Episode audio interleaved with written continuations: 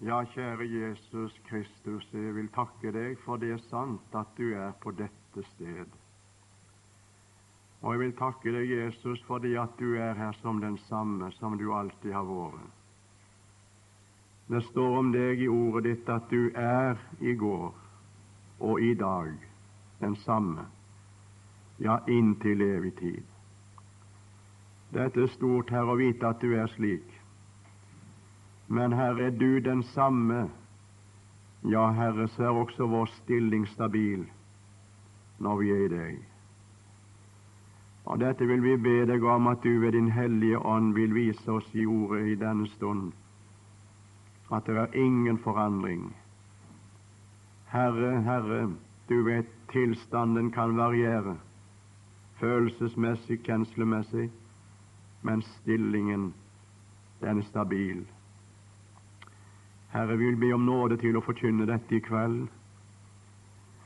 Herre, at vi må få se oss som mennesket i Kristus og kjenne bedre dette mennesket enn før. Kjenne oss bedre, vi som er dine, at vi er i deg, slik som du kjenner oss i Kristus Jesus. Vi priser ditt navn fordi du så gjerne vil åpenbare det ved Din Hellige Ånd, også i kveld. Amen. Jeg kjenner et menneske i Kristus. Det er temaet vårt også i kveld. Jeg vil gjerne lese for det er mange av dere som er i kveld, som ikke var her i går kveld. Og vi vil lese fra 2. Korinterbrev kapittel 12, og vi leser der de fire første vers. Jeg må rose meg skjønt det ikke er ganglig, men jeg kommer nå til syner og åpenbarelser av Herren. Jeg kjenner et menneske i Kristus. Om han var i legeme, vet jeg ikke, eller utenfor legeme, vet jeg ikke. Gud vet det en som for 14 år siden ble rykket like inn i den tredje himmel. Og jeg kjenner dette mennesket. Om han var i legeme eller utenfor legeme, vet jeg ikke. Gud vet det. Han ble rykket inn i paradis og hørte usigelig ord som det ikke er et menneske tillatt å tale. Jeg sa det her i går kveld at dette er en presentasjon. Det er Paulus som presenterer et menneske, og så sier han slik Jeg kjenner et menneske. Og så legger han til i Kristus. Og vers 4 Jeg kjenner Eller vers 5 der lyder det Og jeg kjenner det men, dette mennesket. Vers 3. Jeg kjenner dette mennesket. Og vi er vel ikke i tvil om det når vi hørte dette her igjen, at det er han sjøl. Det er sjølpresentasjon. Han kjenner seg som menneske i Kristus. For han legger til 'Jeg kjenner dette mennesket'. Så det er ikke hvilken som helst menneske han presenterer her men det er seg sjøl. Og han kjenner seg ikke bare som menneske av naturen, men han kjenner seg som mennesket i Kristus. Og det er det som jeg gjerne her også i kveld vil prøve å si litt om, som i går kveld. Det er dette mennesket i Kristus som vi må få lov å bli mer kjent med. Og det er det som mange her i denne forsamling sikkert allerede, etter mange eller få år, er blitt kjent med. Men vi sier det jo gjerne slik når vi taler om oss sjøl, så sier vi det at vi kjenner oss best sjøl. Og det er klart også ut ifra Skriften, nemlig det at Ingen vet hva som bor i mennesket, sier Paulus i 1. Korinter 2. Ingen vet hva som bor i mennesket uten menneskets ånd, som er i det. Men så legger han til, og så sier han, så vet heller ingen hva som bor i Gud uten Guds ånd. Og Jeg vil gjerne få lov å si det innledningsvis i kveld at det er ingen som kan heller få bli kjent med mennesket i Kristus uten ved Guds ånd forklarer det ut ifra Skriftens ord. Men der er, kjære forsamling, et veldig, et veldig forråd og en veldig sannhet og kunnskap i Skriften om nettopp dette. Ja, jeg vil si det i kveld også, at det er det sentrale i Skriften, nemlig å vise til hva mennesket er i Kristus. Det er det sentrale. Jeg nevnte det i går kveld at i Det nye testamentet, bare i Det nye testamentet, og det er jo særlig der, da, er det 194 ganger nevnt i Kristus Jesus. Så det er standarduttrykket for kristenfolket, for Guds folk. I Kristus Jesus. La det være nok innledningsvis i kveld. Jeg sa det at det var tre sider ved dette mennesket vi skulle tale om. Og I går kveld talte vi om hvem er dette mennesket i Kristus? Eller hvordan kommer et menneske i Kristus? I kveld skal jeg gjerne få lov å si hvordan er dette mennesket i Kristus. I går kveld talte vi nemlig om det at det var de som Faderen gav Jesus, som kommer til Jesus. Og La meg her igjen få understreke det er ingen som kommer til Jesus av seg sjøl. Nei, det er Den hellige ånd, sier Jesus, som drager ham. Og så gir Faderen han til Jesus. Og han ikke bare gir han til Jesus, men han setter han inn i Jesus. Derfor kan Paulus i 1. Korinterbrev 1 vers 30 det mest vidunderlige ordet kan lese. Og det er vidunderlig for meg. Jeg gleder meg over å få lese det også i kveld. For av ham er i i Kristus Jesus som for oss har blitt visdom fra Gud, rettferdighet, helliggjørelse og forløsning.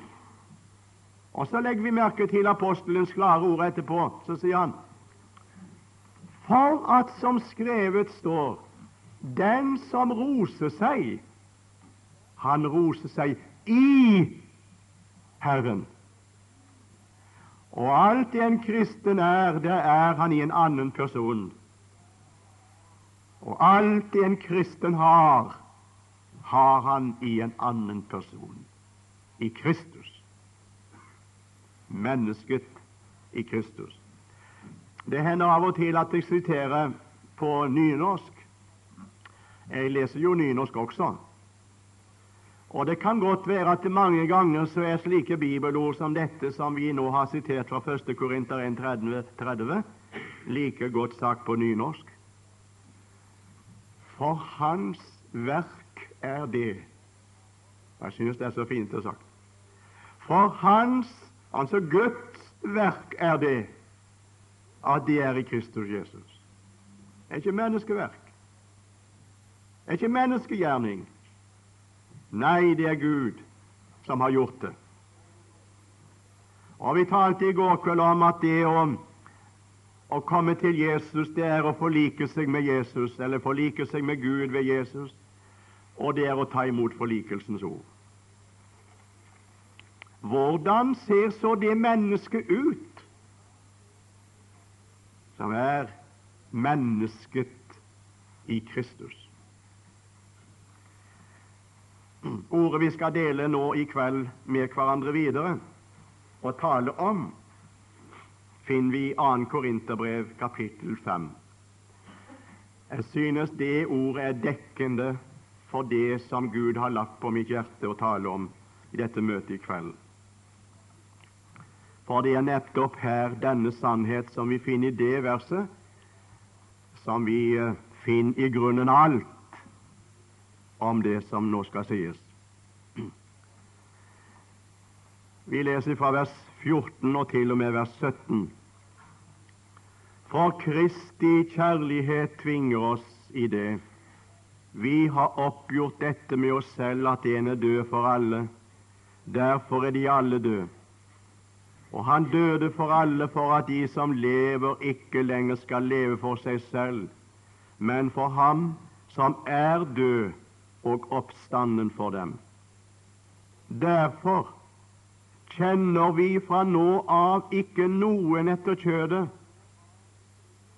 har vi òg kjent Kristus etter kjødet, så kjenner vi Han dog nå ikke lenger således.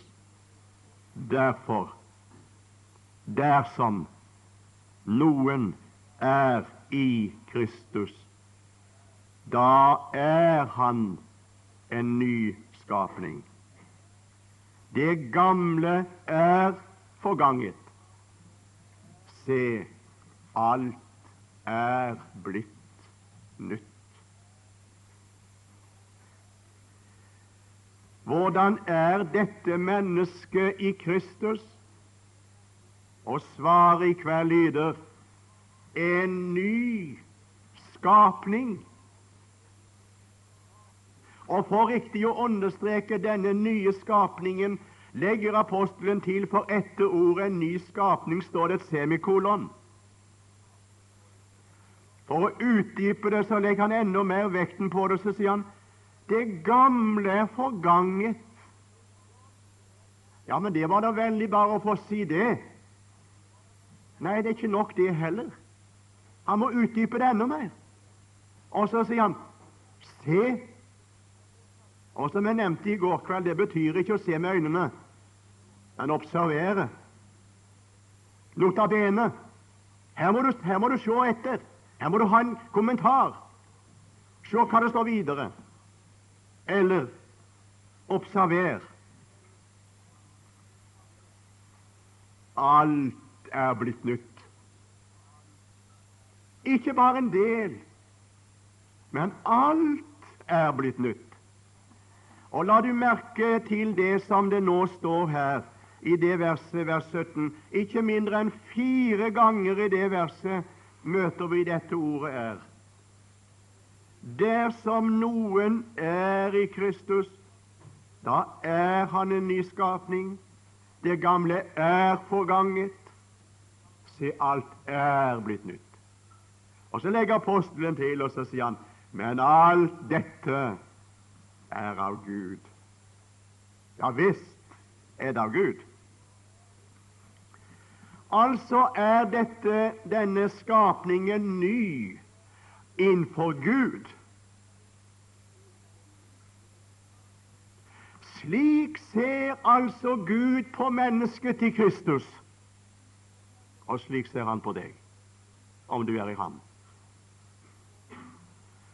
Han ser så på deg at han sier det gamle er for mitt åsyn forganget. Der er ingenting av det gamle igjen. Se, alt er blitt nytt. Ja, men kjære folk, er ikke dette syndefrihetslære, da?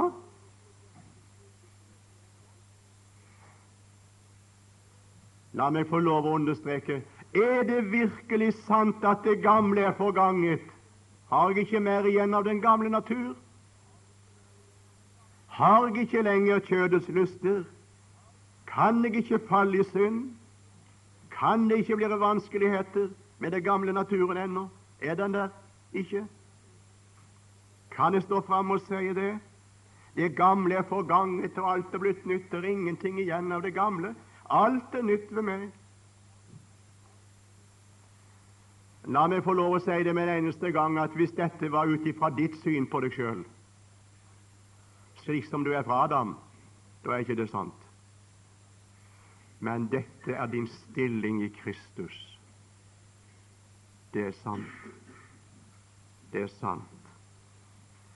De fleste ganger jeg har hørt dette blitt forkynt Jeg skal ikke si det fordi at jeg skal kritisere. Ikke min oppgave å komme hit til Åkerhamn for å kaste stein på andre som forkynner. En skal ikke gjøre det når en sitter i glasshus, for det gjør en som forkynner.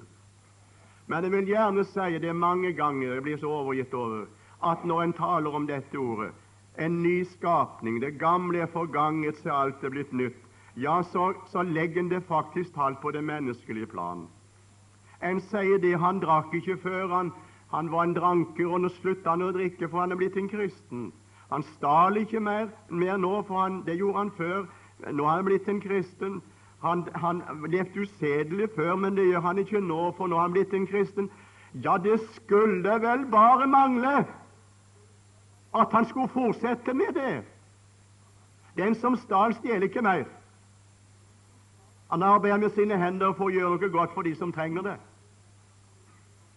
Og en kristen kan ikke fylle seg med vin. Han skal bli fylt av Ånden, og så videre. Og Jeg må gjerne si det at hvis ikke vår kristendom er blitt så kristianisert, for å si det slik, at Kristus har fått en slik plass i våre liv, at ikke det gamle legges av, ikke av vår egen kraft, men vi får en lyst til å gjøre det. Og vi brenner oss på det, som har med verden og med synden å gjøre. Vi kan ikke leve i det element lenger. Det kommer et nytt element. Derfor synes jeg det La meg få lov å si det i en parentes. Det er veldig alvorlig. Og nå kan det godt være det at du reagerer på det jeg sier. Det har aldri hendt før i historien, tror jeg, i vår by, der jeg bor nå, i Bergen, at lederen i vår forsamling der har kommet til en av våre forkynnere og sagt Kan ikke du på lørdagskvelden kommende lørdag tale om de kristnes forhold til alkoholen?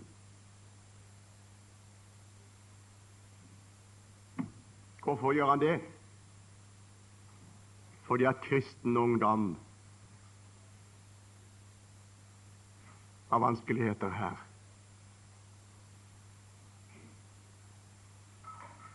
Har aldri hendt. I min ungdom var det ikke snakk om at en kristen kunne drikke alkohol og drive på med det. Men her har vi problemer i en by som Bergen. Og Så talte denne forkynneren, bør ikke nevne navnet hans, om en Bibelens syn på denne ting. Og Jeg må bare spørre hva er det da, venner, som gjør at disse tingene griper omkring seg, og at verden inntar på den måte så radikalt kristen ungdomsliv? Det er, venner, fordi at det nye mennesket er underernært. Det er for det gamle mennesket lever en etter. Den gamle naturen får næring, og kristenlivet det får, så, det får så lite næring. Det må jo vokse, det. Og jo mer, slik er min erfaring, jo mer Kristus blir stor i mitt liv, jo mindre blir verden. Å nei og nei, slik er det vel for deg også. Det blir ikke å ta seg sammen, det er ikke lovens hammer over deg og si du skal ikke stjele. Du skal ikke slå i hjel. Du skal ikke det. Du skal ikke det. Du skal ikke det. Nei, vi får et ny natur som har lyst til Guds lov etter vårt innvortes menneske. Vi drives på en annen måte enn før.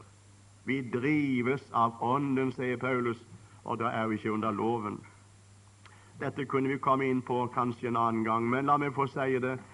Når det tales her om at det gamle er forganget, og alt er blitt nytt og en ny skapning, så er det ikke først og fremst i det ytre.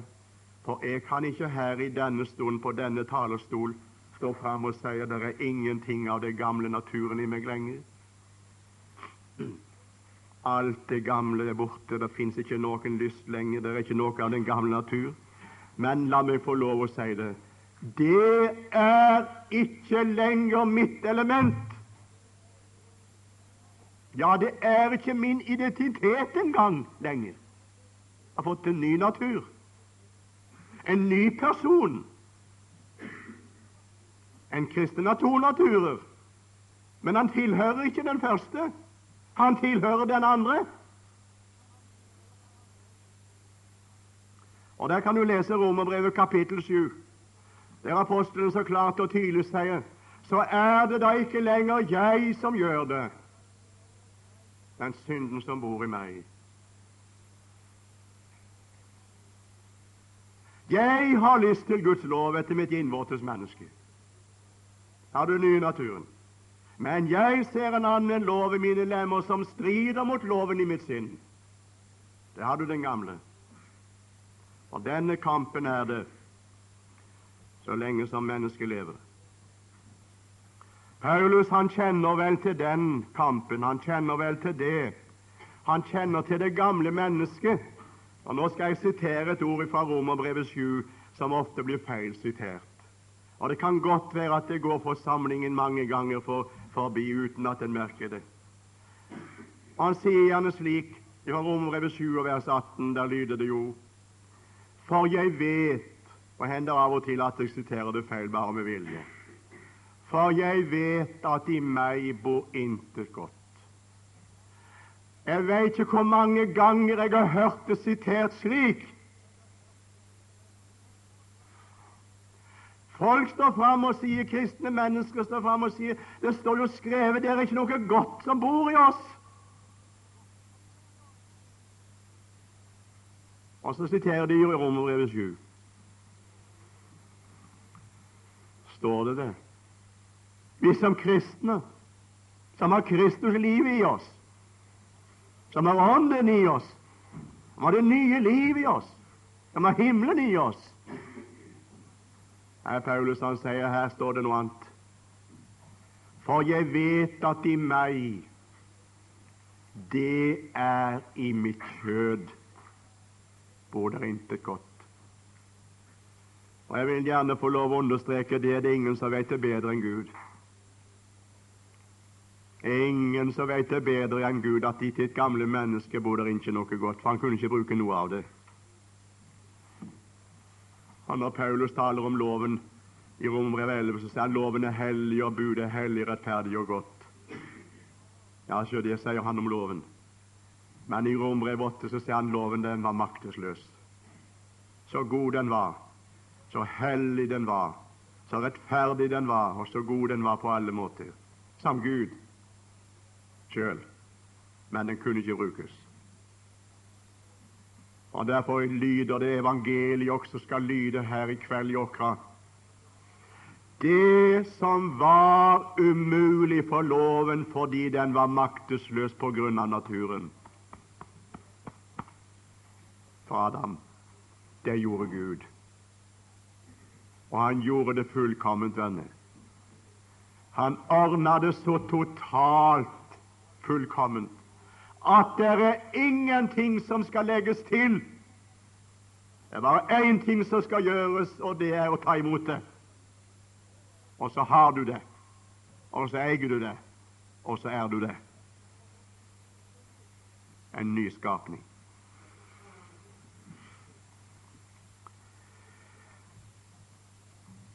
Da Gud skapte mennesket, står det i Første Mosebok kapittel 1 og 2. Vi leser jo om kapittel, i kapittel 1 og 2 om skapelsen. Men det står nemlig noe at når han hadde skapt mennesket i sitt bilde, slik heter det jo, Gud sa 'la oss gjøre mennesker i vårt bilde'. Hver eneste gang når han hadde skapt disse forskjellige ting, til og med den femte dagen, står det og Gud så at det var godt. Når han hadde skapt mennesket den sjette dagen, så var det siste han skapte. Da står det og Gud så på alt det han hadde skapt, og se, det var såre godt. Det var ingen mangel. Og jeg kan bare si én ting, venner, at jeg tror at når Gud så mennesket framfor seg og hadde skapt Adam i sitt bilde, med sin natur etter sin natur etter sitt bilde, etter Guds bilde Ja, det står jo i flertall la oss, gjøre mennesker i vårt bilde. Så sa Gud dette er det mest fullkomne. Dette er slik som det skal være. Fullkomment i alle deler. Gud så det var såre godt. Men så veit vi alle sammen, og det kjenner vi til, at synden kom inn i verden, og at det som Gud hadde skapt, dette mennesket som var så såre godt og skapt i hans bilde Ja, hva skal vi si, venner? Vi mistet totalt det Guds bildet. Mistet det totalt. Å nei, å nei. Men la meg få si det her med en eneste gang. Det som vi mister ved fallet, ved den første Adam, det Guds bilde får vi igjen i en ny Adam. Og det evangeliet. Vi skal bli likedannet, leste han som åpna i kveld. Likedannet med Hans Sønns bilde, for at han skal være den førstefødte blant mange brødre. Hva ligger det da i dette her, som vi nå skal tale med en annen om til slutt i kveld? Hva ligger det i det da? En nyskapning i Kristus Jesus. Før jeg taler litt om det, vil jeg gjerne understreke det som står i Galaterbrevets siste kapittel, og som vi hørte sitert i går kveld. Jeg tror det var Arnold Bjerkem som siterte det. Der det lyder For verken omskjærelse eller forhud er noe, men bare en nyskapning. Bare en nyskapning. Og så heter det, apostelen sier, den som være den som går frem etter denne rettesnor, fred og miskunn være over han eller over han eller den og over Guds Israel.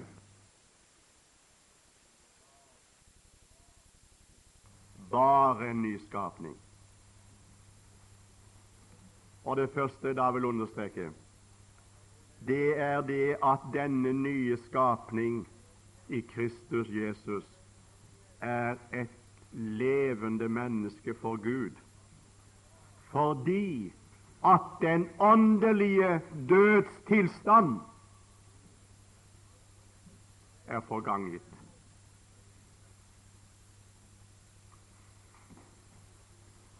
I Efeserbrevet kapittel 2 leser vi så klart og tydelig om det.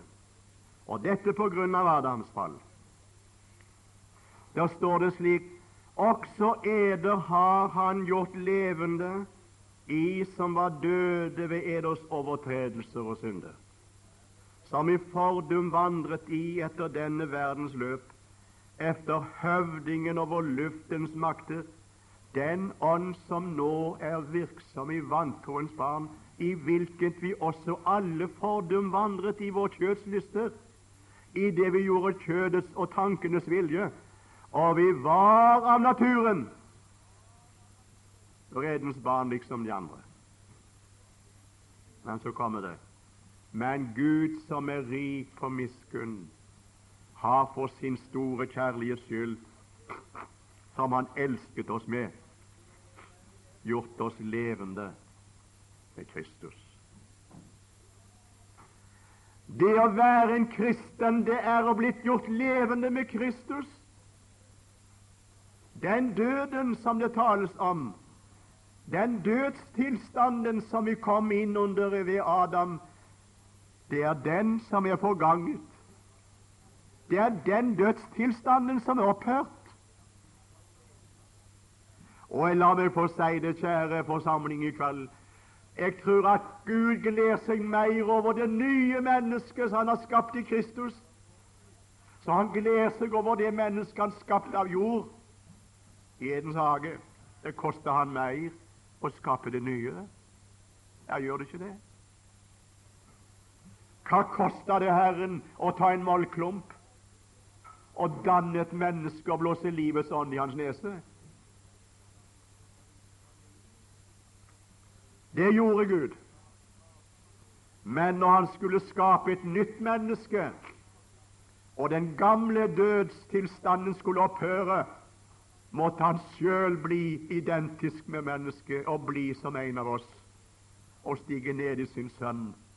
Leve hele menneskelivet, prøve alle ting i likhet med oss, og gå inn under vår synd, inn under fallet, og sone for det alt sammen, og bli knust i vår plass. Det koster han mer, det. Og når så dette er skjedd, og Golgatas fullbrakte verk er ført til endes, verket er fullt til endes, og Jesus kan si på korset det er fullbrakt, rive Gud forhenget i tempelet ovenfra og ned. Så demonstrerer han, og så sier han dette er så fullkomment at nå kan alle få komme inn til nådestolen. Nå kan fallet, fallet opprettes så fullstendig at alle kan få liv. Ingen kunne gå innenfor forhenget i tempelet. Ingen kunne gå innenfor forhenget i tabernakelet og være levende etterpå. De var døde. Bare én som kunne gå innenfor forhenget. Og det ypperste presten ved blod. Han kunne ikke gå inn uten blod, han heller. Han måtte ha blodet med seg inn og skvette det på nådestolen. Han kunne ikke vise seg der uten. Men når Kristus dør på Golgata, så flenger Gud forhenget, og det var to tommer tjukt, sier Josefus. Og det var så sterkt at, at to okser i begge ender kunne ikke slite det sånn. På et øyeblikk så flerrer Gud det ovenfra og ned. Hva for å demonstrere? Nå er veien til helligdommen åpen. Nå kan den fortapte Adams slekt møte Gud og bli levende. Og veien åpen. Han har banet oss i Hebrebrevets forfatter kapittel 10 en ny og levende vei til helligdommen gjennom forhenget, det er hans kjød. Og vi skal få komme med frimodighet i Kristi blod. Å være i Kristus er å være levende for Gud, ikke dø for Gud. Det er du som ikke er i Kristus. Men du som er i Kristus, du er levende for Gud, og du er velbehagelig. Ja, som han sa det når han så Adam. Det er såre godt. Så sier han det om deg. Du er velbehagelig. Dette er det beste jeg har gjort. Og om vi kunne få sagt det slik at det gikk like til hjertet ditt. Gud ser på deg med velbehag, for han har skapt deg i Kristus til et nytt menneske, levende for Gud i Kristus Jesus. Jeg kjenner et menneske i Kristus. Det står her. Det sitter ned på benken. Sier du det samme? Kjenner du deg i Kristus? Da må du først lære Kristus å kjenne. Fordi Han er, er Han nettopp for deg. Nettopp for deg. I Romerbrevet kapittel 6 det er en opplevelse å ha det å undervise i Romerbrevet. Jeg vil gjerne si det.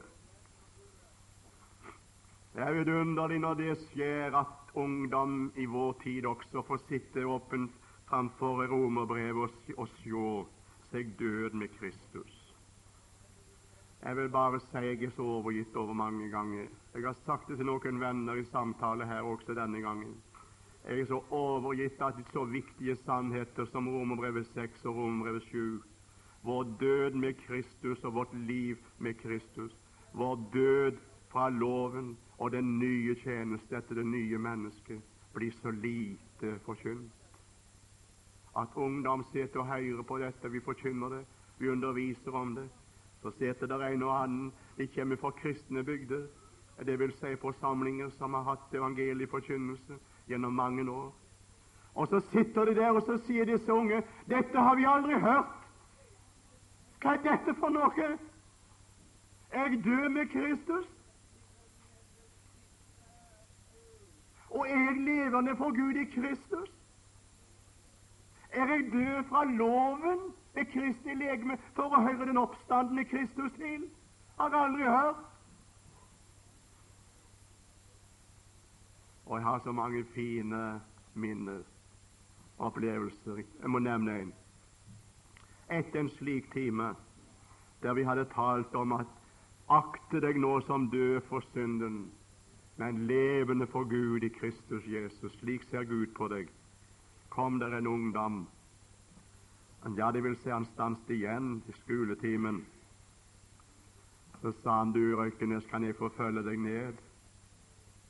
Eh, vi har lokale eh, undervisningslokale i annen etasje.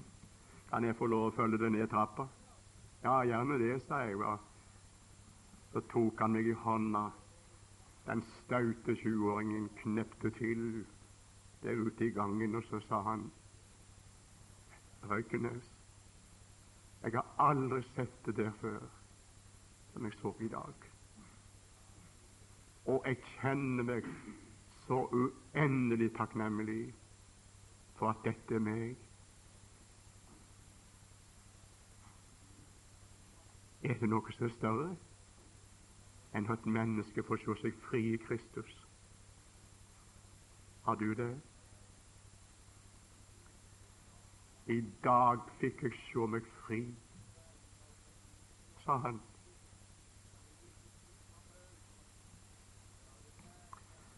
Og kjære unge venn og eldre, kjenner du deg som menneske til Kristus? Du er i Kristus så sant du har kommet til ham. Men kjenner du deg slik? Du har lov til det, for Gud kjenner deg slik. Forstår du? Er du ikke i Kristus, så er du ikke frelst. Men i Kristus er du frelst. Og for det andre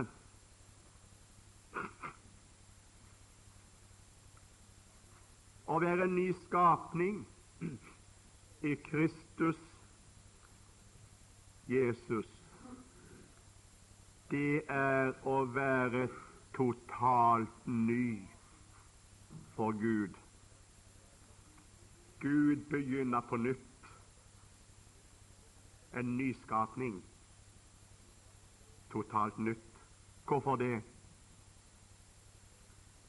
Ja, nå kan det godt være at det er noen som sier nei, dette det er da veldig. Kan det være sant? Jeg skal begrunne det med Guds ord. Hvorfor alt er blitt nytt, en ny skapning? Fordi at den adametiske syndearven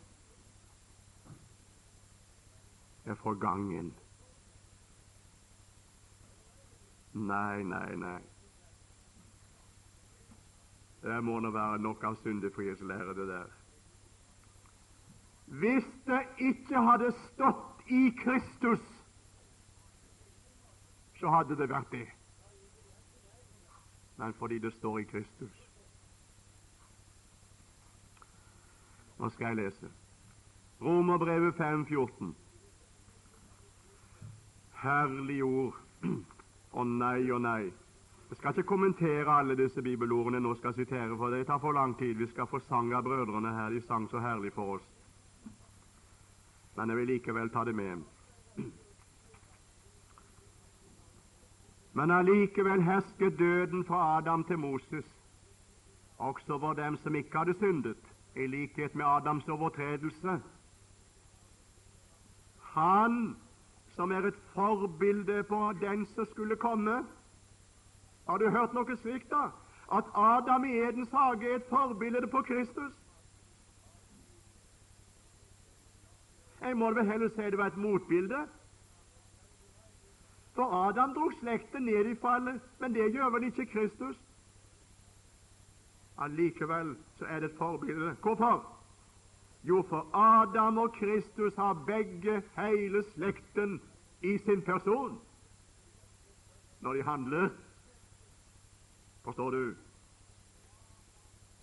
Adam representerer hele slekten. Kristus representerer hele slekten. Derfor er Adam et forbilde på Kristus, for begge to har hele slekten når de med seg i sin person når de handler og gjør sin gjerning. Adam drar slekten ned. Kristus løfter den opp til forsoning og forlik med Gud. Og Så går vi til 1. Korinterbrev, kapittel 15. Og Her må jeg skynde meg å lese fra det avsnittet, for det er et vidunderlig avsnitt. Og jeg må gjerne si det at det er veldig lite vi får hørt det forkynt, og lite det blir tatt med i forkynnelsen. Men jeg skal gjøre det uten å kommentere det. Så står det slik i vers 45. Således er det òg skrevet. Det første mennesket, Adam, ble til en levende sjel. Den siste Adam og det er den nye Adam. Det er Kristuslivet. Det er Kristus. Det står ikke den andre Adam, det står den siste Adam. Er blitt til en levendegjørende ånd. Men det åndelige er ikke det første, men det naturlige. Altså det fra Adam. Det, det er etter det åndelige. Det er fra Kristus. Det første mennesket var av jorden jordisk. Det annet menneske er av himmelen. Og så står det så herlig sådan som den jordiske var. Ja, det var ikke herlig, men det er likevel så sant. Sådan som den jordiske var, så er òg de jordiske. Kjenner du ikke til det? Som Adam var, så er du av din natur og sådan som den himmelske er, så skal òg de himmelske være. Jeg må gjerne si det kunne vel stått direkte slik som det står også på grunnteksten, og deriblant også på engelsk, tror jeg, og dansk og andre oversettelser. Der står det sådan som den jordiske var, så er hun de jordiske. Sådan som den himmelske er, så er òg de himmelske. Vi er slik som Jesus er. Vi blei slik som Adam blei, og vi blir slik som Kristus blir. Vi blei som den første Adam med hans natur. Og når vi kommer til Kristus og blir mennesker til Kristus, så er vi en ny skapning, og så blir vi slik som Jesus er. Gud sier, 'Du er slik som Jesus'.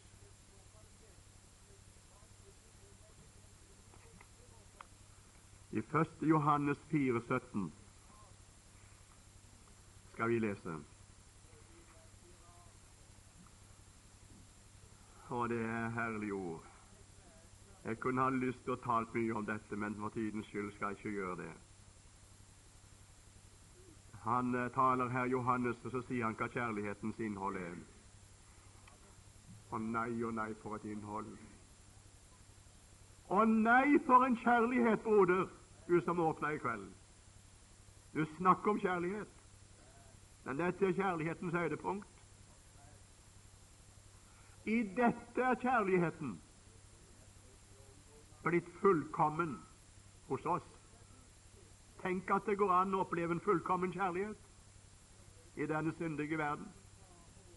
Det står ikke den skal bli det, men den er blitt fullkommen hos oss at vi har frimodighet på dommens dag. For like som Han er, Kristus, er vi i denne verden. Hvordan er vi da, venner? Hvordan er vi da? Hvordan er mennesket til Kristus? Slik som Han er. slik som Jesus er hellig, rettferdig, ulastelig, fullkommen, plettfri, velbehagelig. Ja, fullstendig fullkommen. Det finnes ikke lyte av noe slag. Slik er du, mennesket i Kristus. Nå, her i bedehuset i kveld. Slik ser Gud på deg.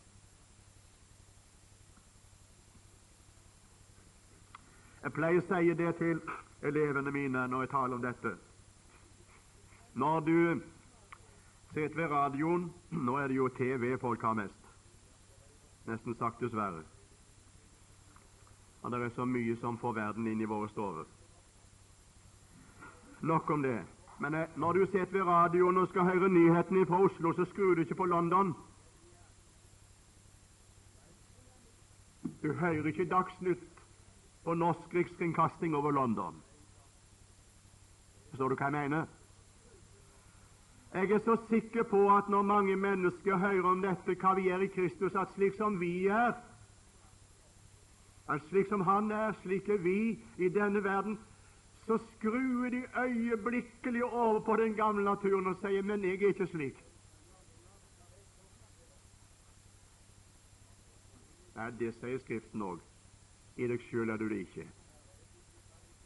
Men slik som Han er, og du mennesket i Kristus, slik er du i Han. Slik ser Gud på deg. Er ikke det det viktigste, hvordan Gud ser på deg? Kan du flytte inn i det?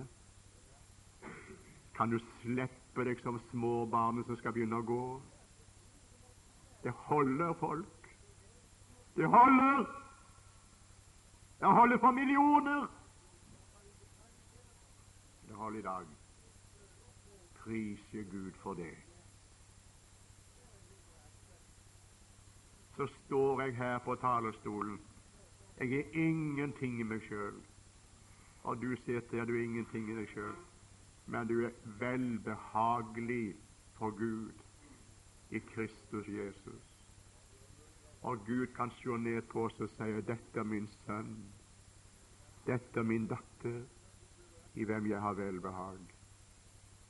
Fordi du er menneske til Kristus, i den nye Adam.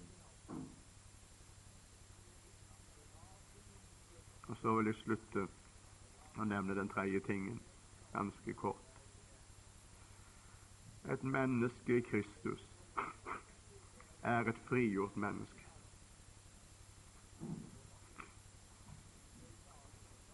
Fordi at grunnen til fordømmelsen den er forgangen, er borte.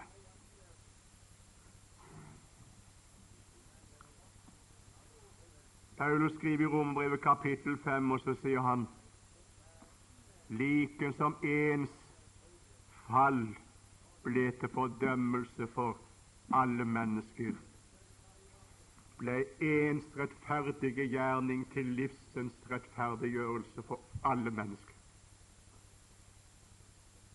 Har du begge to?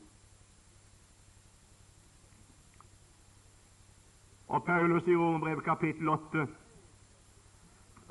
sier han, så er det da på grunn av dette som han nå har talt om, så er det da ingen fordømmelse for dem som er i Kristus Jesus. For livets ånds lov har i Kristus Jesus frigjort meg fra syndens og dødens lov. Og Så sier han hva grunnen til det, nemlig at det som var umulig for loven, gjorde Gud. Det er Kristi død. Og så sier han han sendte sin sønn i syndig kjøtts lignelse, og for syndens skyld og fordømte synden i kjødet. Derfor er det ingen fordømmelse. Når du er i den personen som Gud har fordømt ditt gamle vesen i, og din gamle natur, ikke bare dine synder, men hele vesenet ditt og den syndenaturen du fikk ved Adam, du er i den personen som Gud en gang har dømt alt sammen i, da er det ingen fordømmelse. Det kan du være sikker på. Og legg nå merke til hva det står. Det står faktisk talt, kjære venner, at den som er i Kristus Jesus, er frigjort ifra syndens og dødens lov. Om jeg nå slepte Bibelen her i gulvet, det skal jeg ikke gjøre, men gjorde jeg det Hvis jeg slepte den Bibelen, så falt den. Dersom ikke tyngdeloven var her til stede, ville den Bibelen ikke, den ikke falle. Den ville skrevet slik. Men fordi det er en tyngdelov, så ville den falle. En dag skal tyngdeloven oppheves for Guds folk. Nå har vi tyngdeloven, syndens og dødens lov. Men den dagen kommer, skal tale om det i morgen, da tyngdeloven også skal oppheves, rent menneskelig eller rent himmelig. Og vi skal ikke se skyer opp i luften. Det er en magnet ovenifra som drar alle Guds folk